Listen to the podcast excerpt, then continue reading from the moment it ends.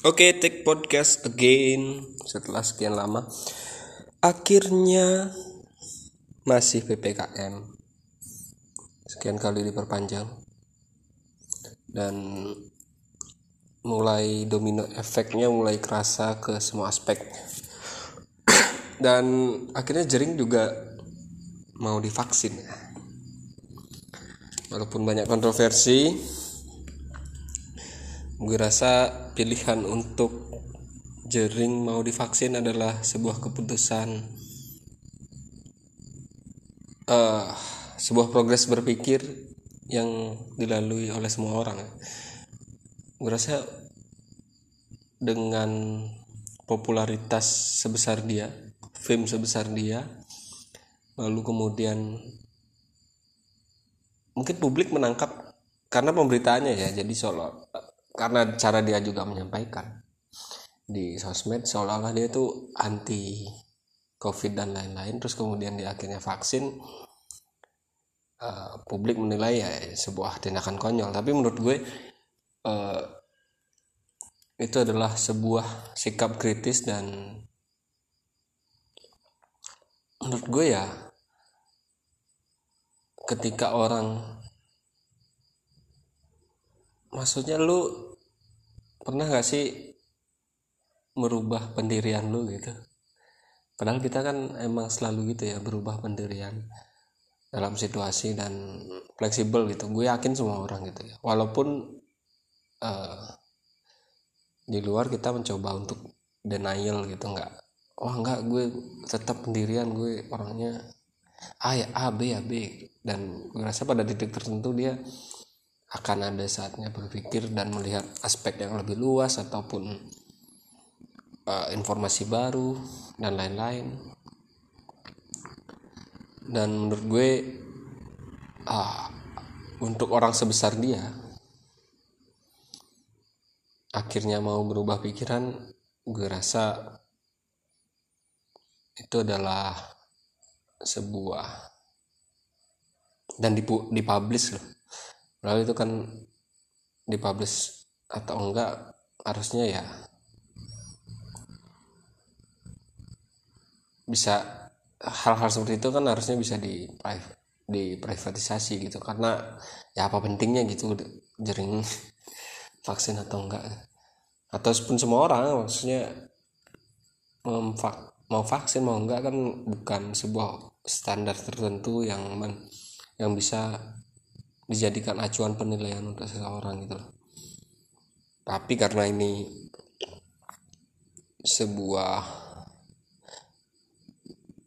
uh, drama covid gue bilang drama sih karena memang dari awal yang menghadirkan narasi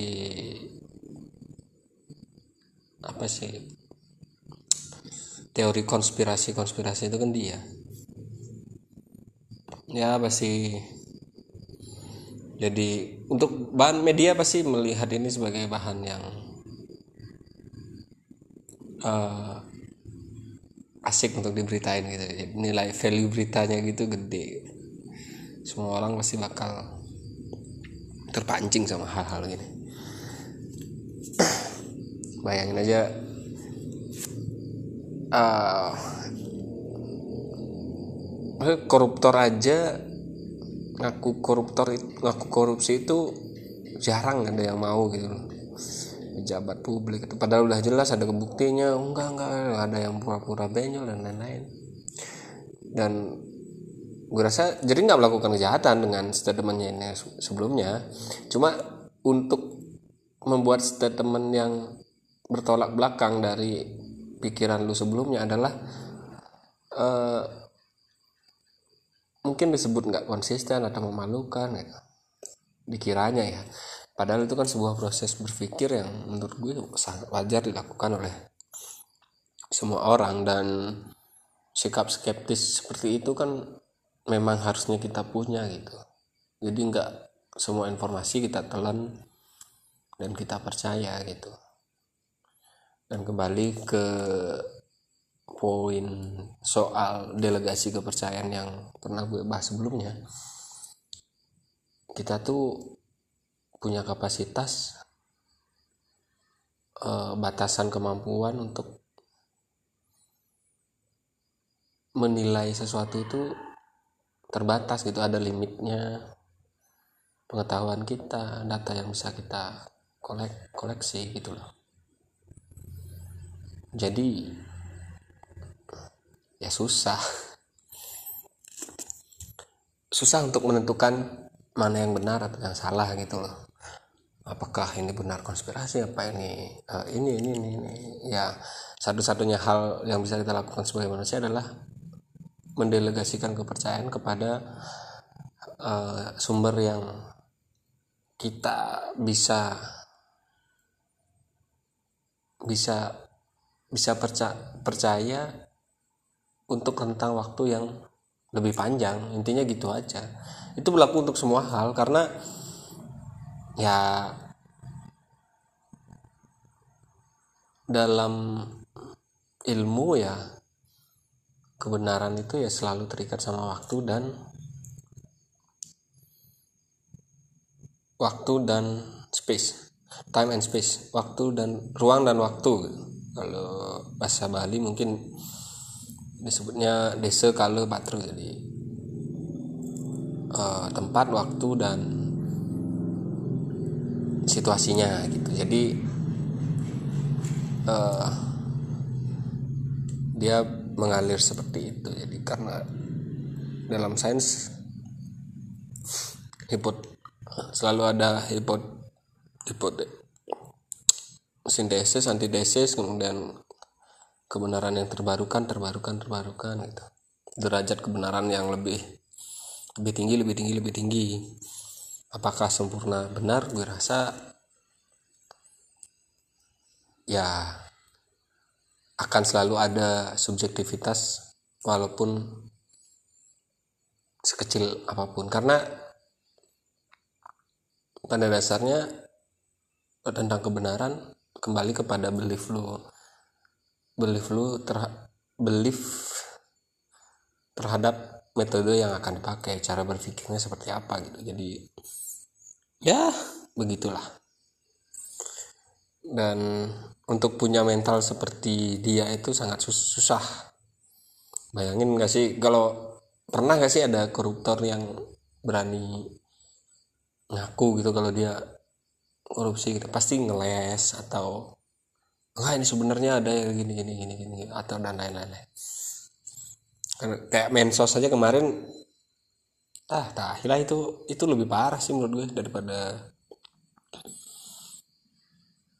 itu memalukannya benar-benar memalukan karena dia sebagai pejabat publik bilang anti korupsi terus dia korupsi bansos ya sangat naif gitu. Dan pas pengadilan juga nggak mengelak gitu menurut gue itu adalah uh, hal yang paling denial. Orang yang paling denial gitu kayak ah enggak sebenarnya gini gini menyalahkan luar. Terus apa lagi? Isu-isu terbaru. Ah ya mural. Gue rasa info-info kayak gini ya kayak tai ya. Kenapa media membesarkan terus yang jadi viral kemudian dapat delik aduan yang bikin moral hmm, bikin moral Jokowi terus tiba-tiba ditangkap. Terus istan uh, presiden ngeluarin statement kalau dia biasa aja sama yang kayak gitu-gitu jadi aneh lah. Sejak kapan tersinggung bisa diwakilkan anjing? Ya kalau presidennya nggak tersinggung ya kenapa ada yang bisa ngaduin dia? Hukum macam apa itu? Uh, apa lagi ya? Banyak lah. Kayaknya ppkm banyak berita-berita yang konyol sih. Emang sebelum sebelumnya juga banyak yang konyol. Sama baliho juga mungkin karena reklame baliho itu tarifnya makin murah gitu jadi sekarang momentum yang tepat untuk politikus nge-branding dirinya lewat baliho gitu. Mulai persiapan 2024 benar masih jauh. 2021 belum berakhir. 1 2 3 4 ah masih lama lah itu dan mereka menyiapkan amunisi dari sekarang. Tapi emang iya. Uh, branding itu penting dilakukan jauh-jauh hari. Karena gue rasa branding tahun 90-an aja masih lengket sampai sekarang gitu. Kayak orang-orang sekarang ini kan lagi hype lagi tentang mengulas balik tentang masa-masa 90-an dari branding apa pun yang terkait 90-an naik lagi di era ini gitu. Karena uh, jajanan waktu kecil lu apa sih? Dan ketika brandingnya kuat lu akan ingat sampai sekarang bahkan.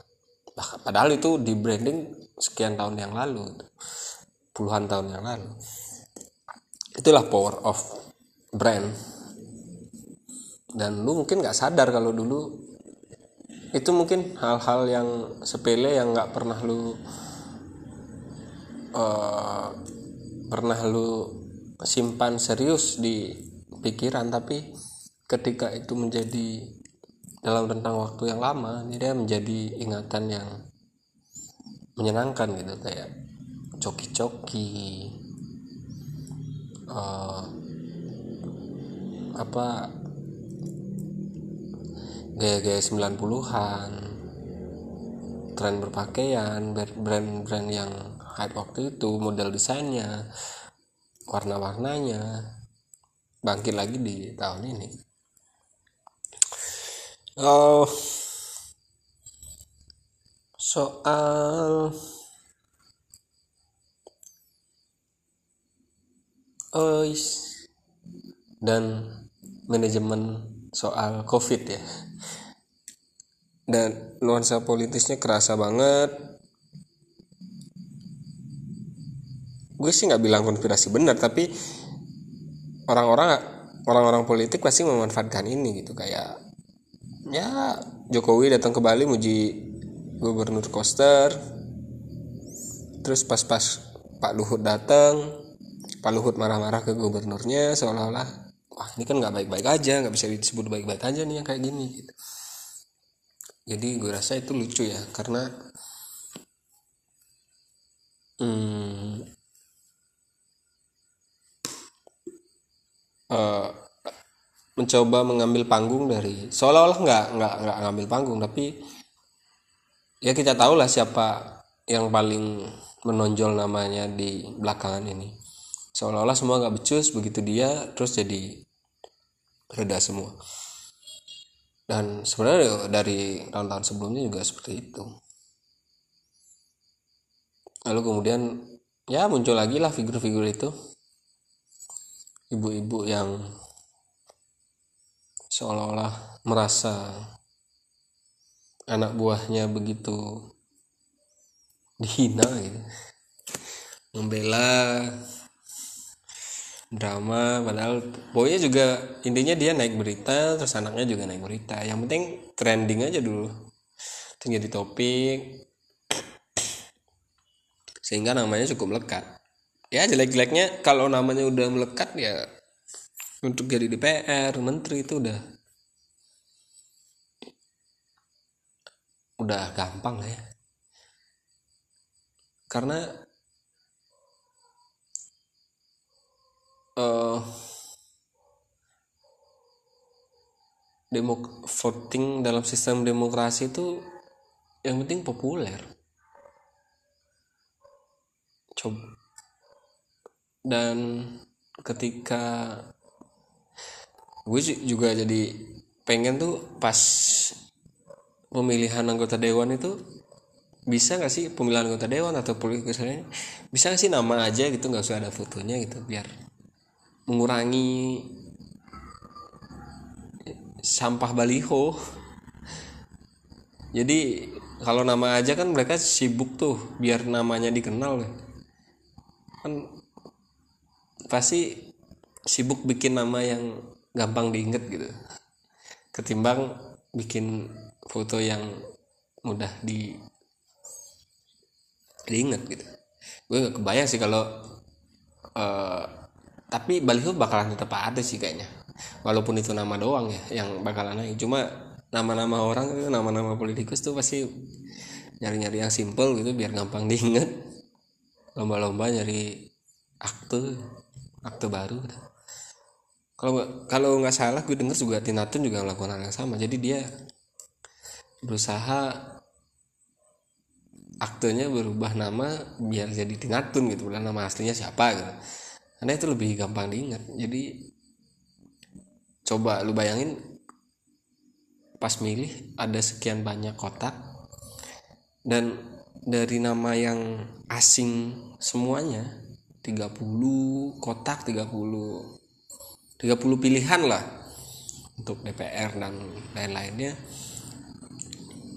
secara nggak sadar lo akan milih nama yang minimal lu gampang ingat gitu kayak ah inilah jadi itulah pentingnya. Dalam vote politik kenapa identitas juga penting? Jadi ketika mereka nggak melek apa pun tapi punya identitas misalkan kayak punya marga nama belakangnya itu mereka pasti akan nyari dengan ah ini gue kenal yang ini. Karena pada preferensi memilih itu paling tidak ada pi, uh, kenal kenal apa gitu kan tentang sosoknya maksudnya ada kesamaan identitas atau perasaan lebih dekat dan uh, sistem vote melahirkan popularity over quality. Ya yang penting populer. Kualitas mana berdua. Dari sekian profesional milih Jokowi gitu kan Jokowi sih sebagai brand namanya simple. Wajahnya gampang diinget. Walaupun dia di branding juga ya jauh-jauh sebelumnya. Dan kira-kira sistem apa yang memungkinkan quality naik tanpa melihat popularity agak susah memang.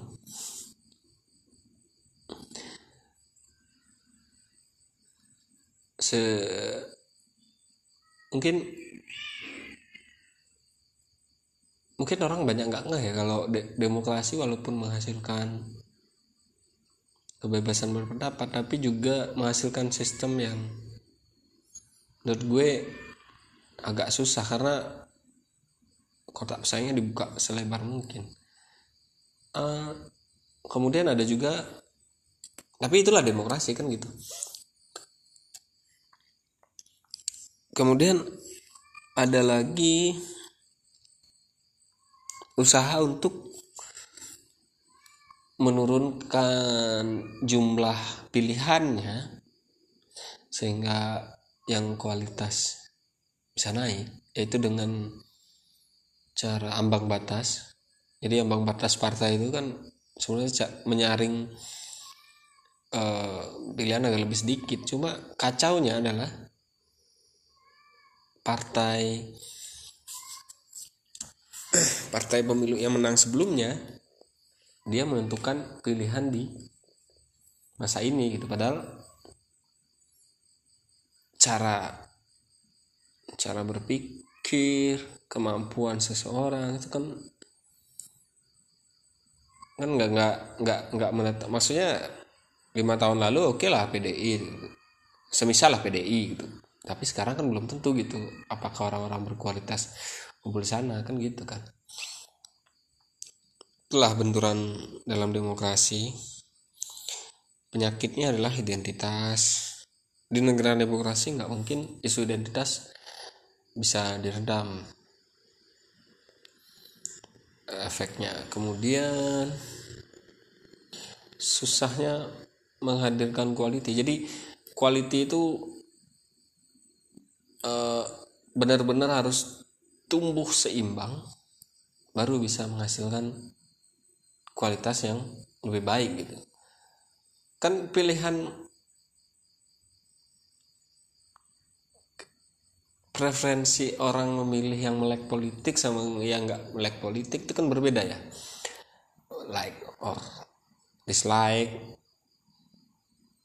Kalau orang yang melek politik mungkin lebih dalam dia detail mencari informasinya gitu. Sedangkan yang nggak melek politik kan nggak punya waktu maksudnya habis juga waktu kita untuk mikirin hal seperti itu kan. Uh, gue rasa memang kira-kira antitesis apa yang akan lahir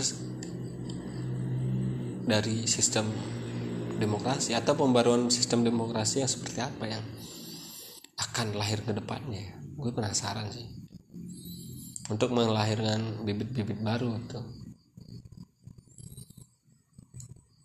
Karena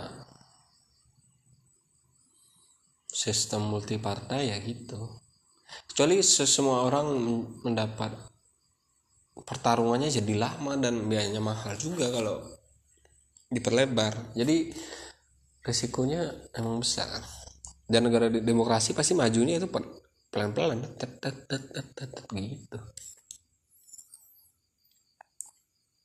Ya karena kualitas manusianya harus dinaikin dulu biar rata dulu baru kualitas orangnya bisa naik kualitas uh, pemimpinnya maksudnya? Apa antitesisnya semua soal waktu? Jadi ketika semua udah cukup ngerti gitu kayak pilihnya pokoknya pilih yang nggak ada di baliho gitu. Mungkin gitu kali ya di tesisnya orang-orang milih ke depan ya. Karena algoritmanya kan kayak gitu ya algoritma kita milih. Dan manusia punya satu watak untuk mematahkan algoritma. Kalau dia udah ngerasa jadi populer karena ada selalu akan selalu ada orang yang anti mainstream gitu pikirannya anti mainstream ah kita udah bosen nih milih-milih yang populer milih yang enggak aja lah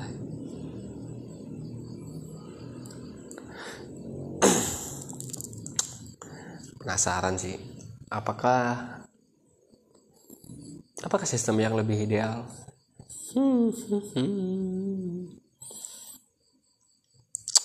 Udahlah udah 20 menit. Buat kalian yang pengen share apa pun bisa kirim ke email gue. Oke okay, thank you. Email gue bisa kalian cek di Instagram anything gue di aksara at gmail.com kalian bisa ngirim question and answer dan lain-lain saran ataupun apa pun. Kritik mungkin? Ah nggak apa-apa. Oke okay, thank you